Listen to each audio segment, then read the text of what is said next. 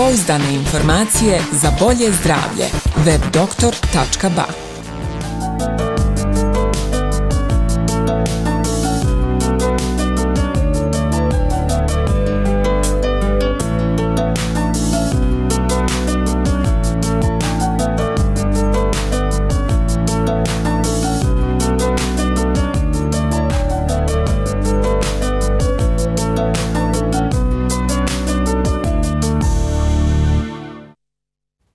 Poštovani gledalci, dobar dan i dobrodošli u emisiju Inovacija i zdravlje.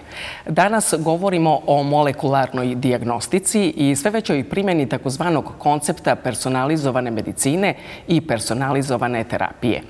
Naši sagovornici su danas dr. Lora Novaković-Lacković, doktor specijalista pulmologije, šef odjeljenja onkologije sa opštom pulmologijom na klinici za plućne bolesti Univerzitetskog kliničkog centra Republike Srpske. Dobar dan.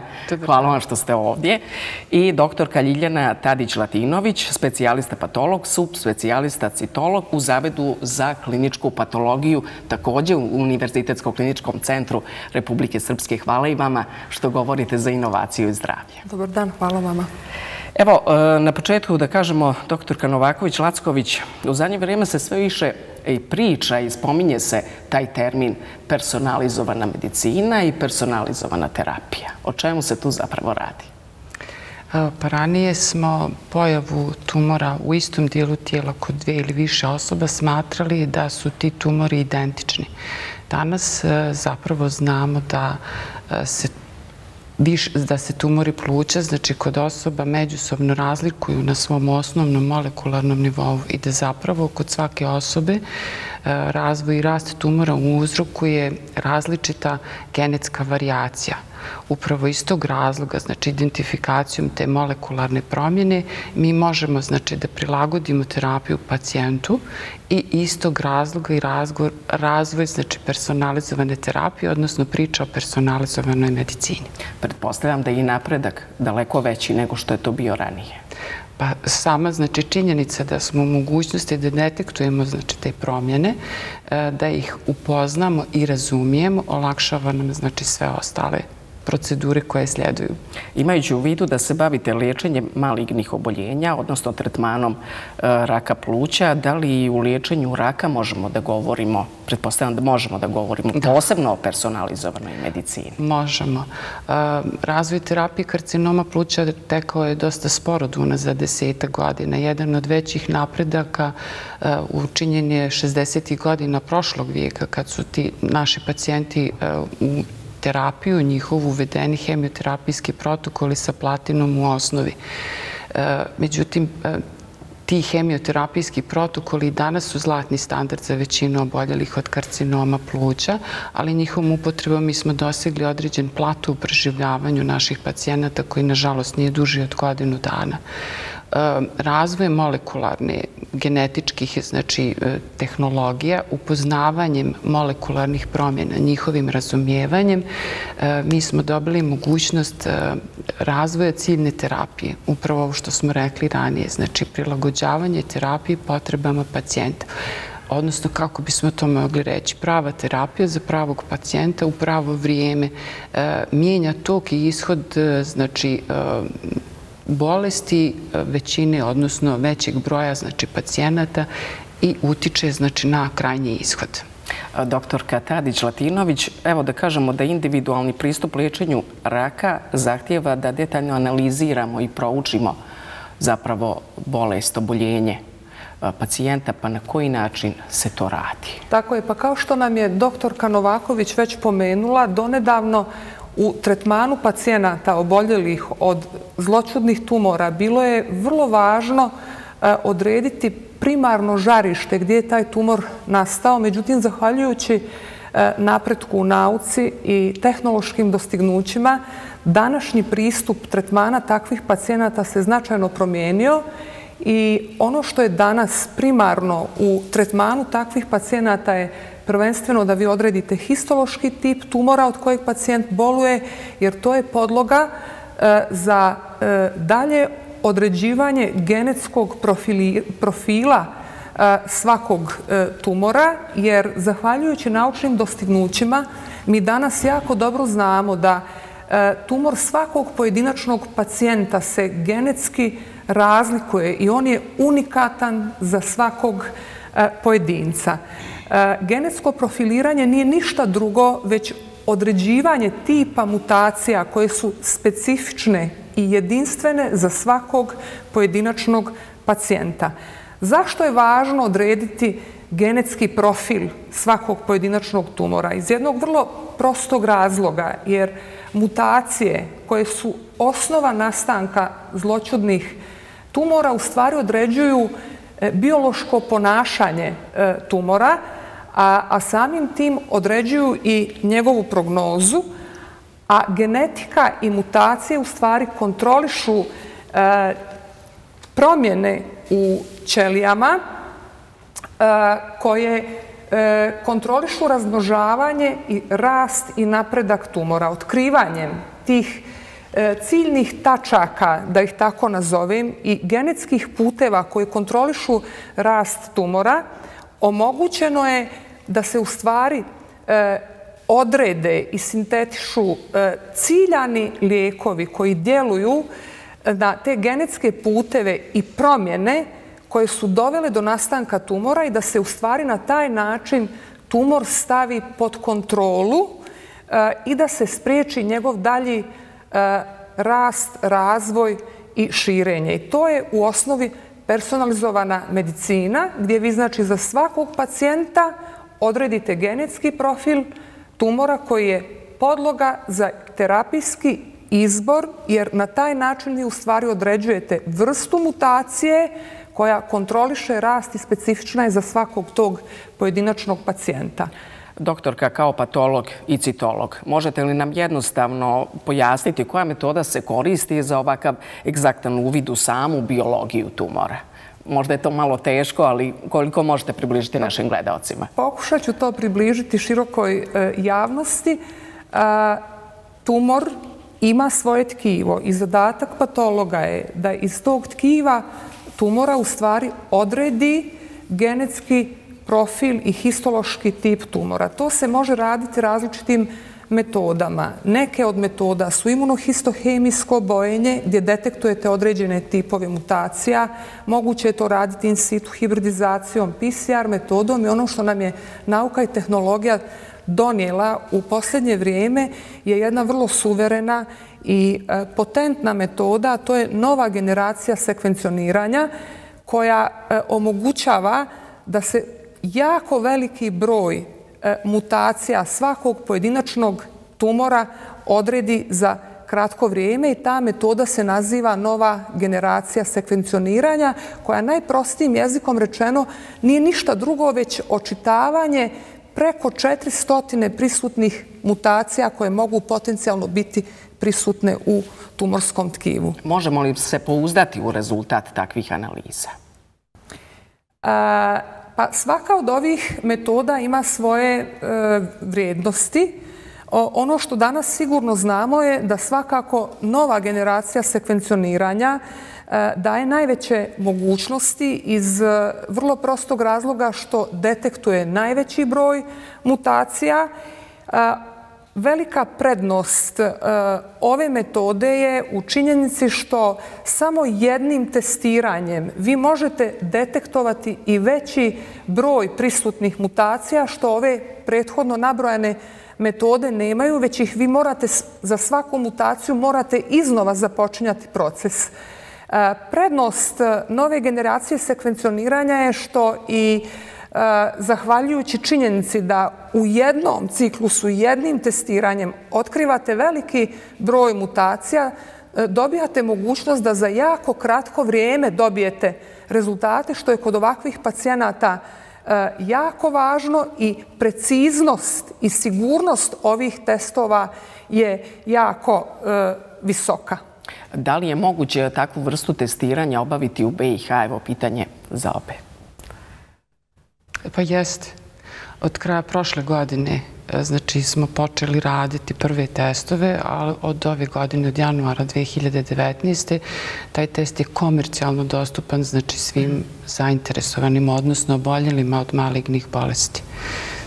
I ono što bih ja voljela reći ovo na, na konto preciznosti i validnosti, znači e, test e, E, kompanije Roche Foundation One je zaista precizan u smislu da 94, kod 94% pa negativnih adenokarcinoma pluća taj test može detektovati genetske mutacije.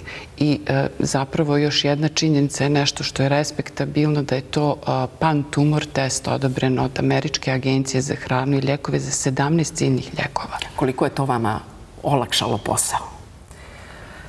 Patolozima je to jako olakšalo posao iz prostog razloga što e, jednim testom vi dobijate e, sve potrebne rezultate kako bi pacijent bio e, tretiran adekvatnom terapijom, a kao što je doktorka Novaković rekla, e, cilj precizne medicine i jeste da vi dobijete preciznu diagnostiku, jer jedino preciznom diagnostikom vi u stvari dajete šansu pacijentu da ga ciljano i određeno uh, E, liječite. E, Foundation Medicine test je svakako jedan od suverenih e, testova. Takvih testova, naravno, za novu generaciju sekvencioniranja ima jako mnogo, ali ovaj e, Foundation Medicine test ima posebnu vrijednost jer ga je, isto kao što je moja kolegica rekla, validirala E, Američka fondacija za hranu i lijekove, što znači da je test prošao jako veliki broj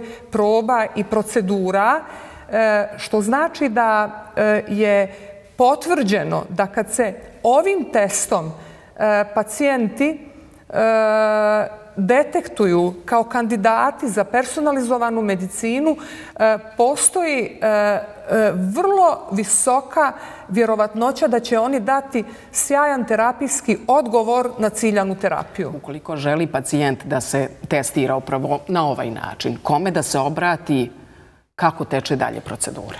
Pa, razgovor pacijenta obavlja sa svojim onkologom. Onkolog je taj koji eh, je upućen u čitav tok, znači u istoriju bolesti, eh, informisan je o znači, provedenim diagnostičkim i terapijskim procedurama i zapravo on treba da procjeni da li je taj test izbor za pacijenta.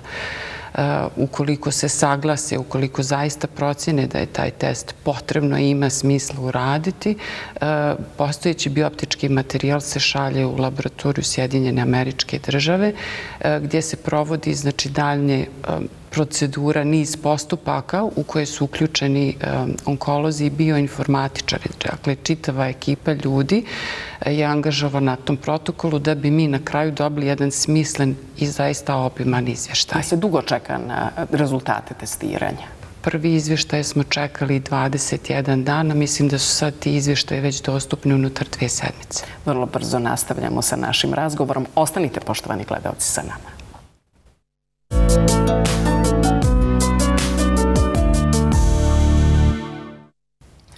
Poštovani gledalci, u današnjoj emisiji Inovacija i zdravlje govorimo o molekularnoj diagnostici, odnosno primjeni e, personalizovane medicine i personalizovane terapije. Evo, doktorka Novaković-Lacković, e, da nastavimo ovaj naš razgovor, kako uopšte izgleda finalni nalaz e, koji ovaj pacijent, odnosno ljekar, dobije nakon genskog testiranja? Rekli smo E, da se čeka 21 dan, možda i kraće. Jeste. Ja bih samo prije odgovora na ono pitanje rekla da su znači, pacijentima dostupne tri vrste testa.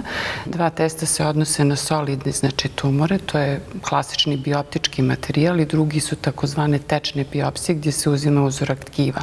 Ti testovi se koriste za solidne tumore u koje se obraju na mikrocelularni karcinom pluća, rak debelog crijeva i rak jajnika, rak dojke i melanom druga vrsta testa, takozvani Foundation One Heme, koristi se za hematološka oboljenja i za sarkome, obuhvata leukemije, limfome, e, mieloproliferativne sindrome, e, leomiosarkom i Ewingov sarkom.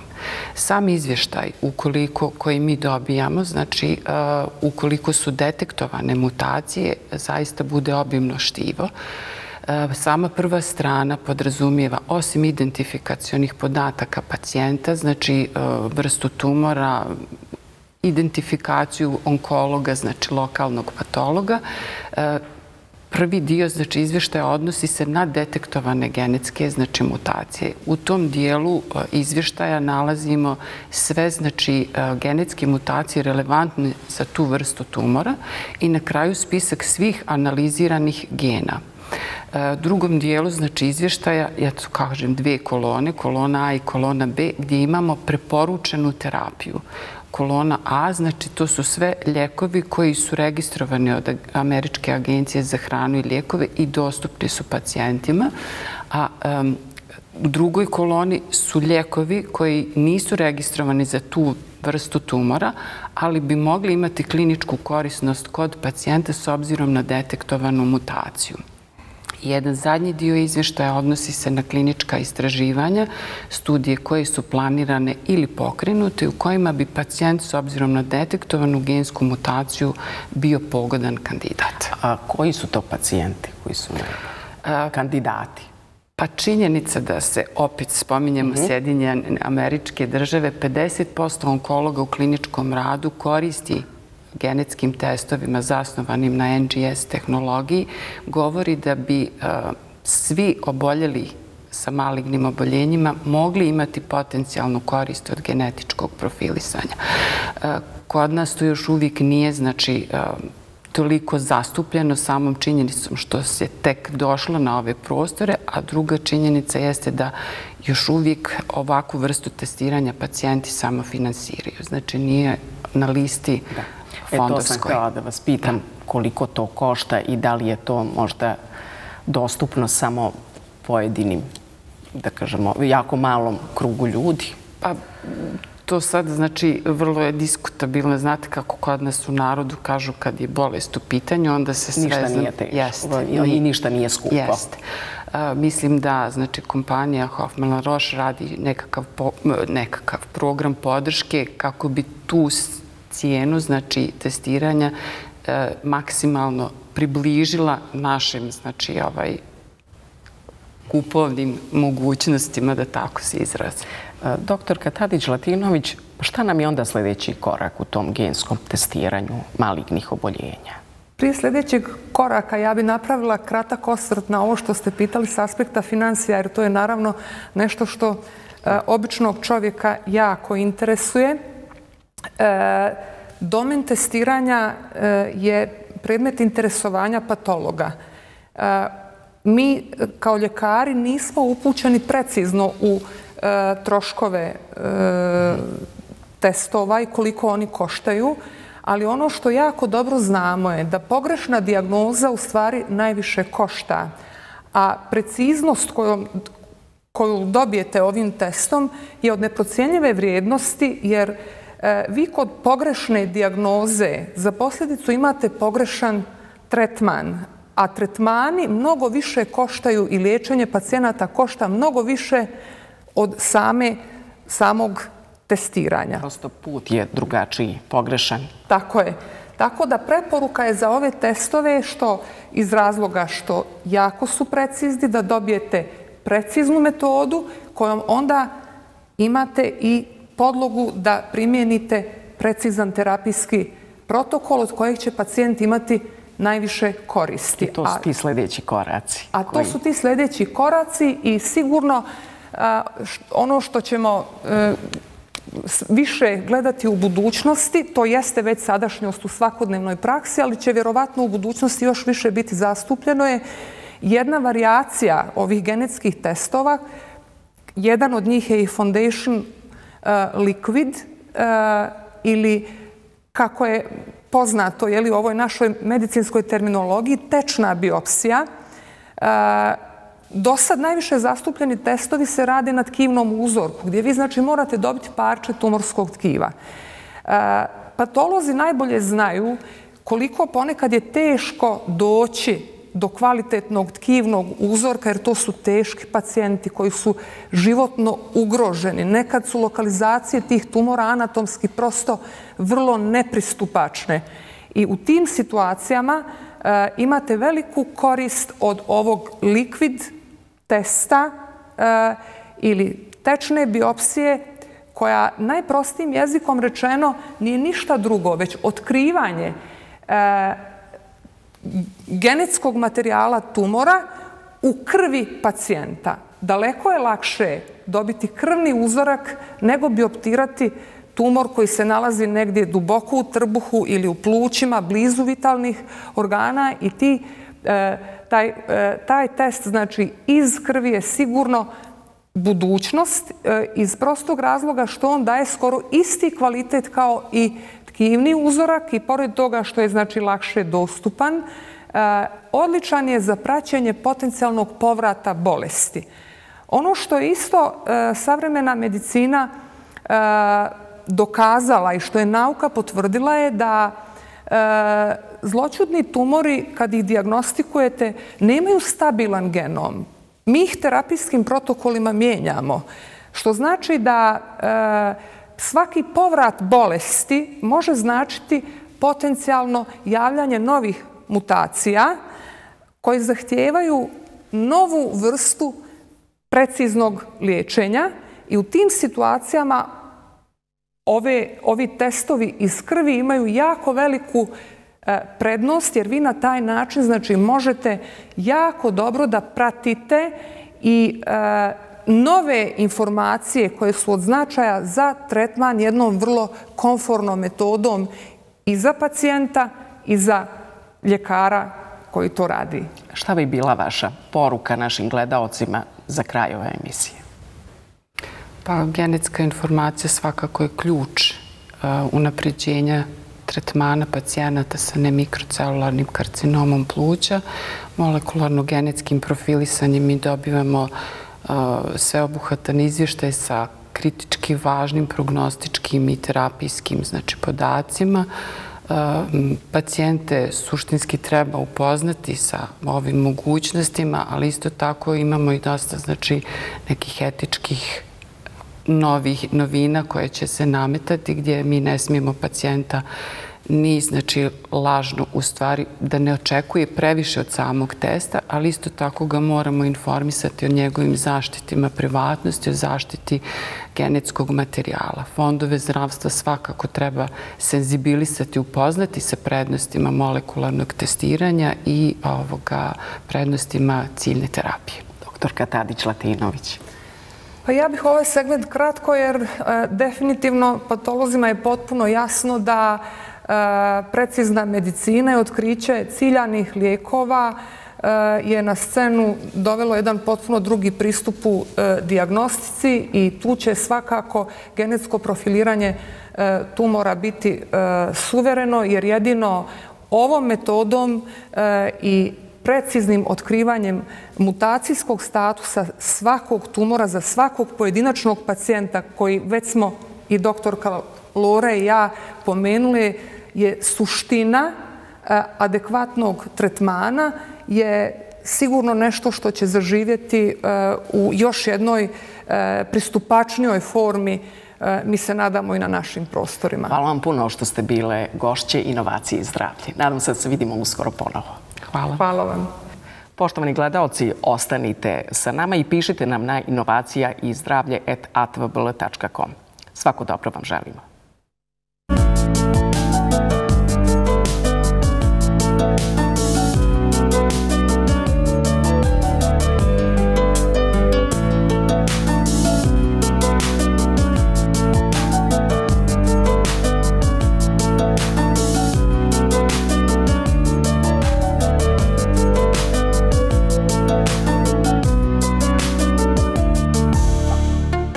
Pouzdane informacije za bolje zdravlje. webdoktor.ba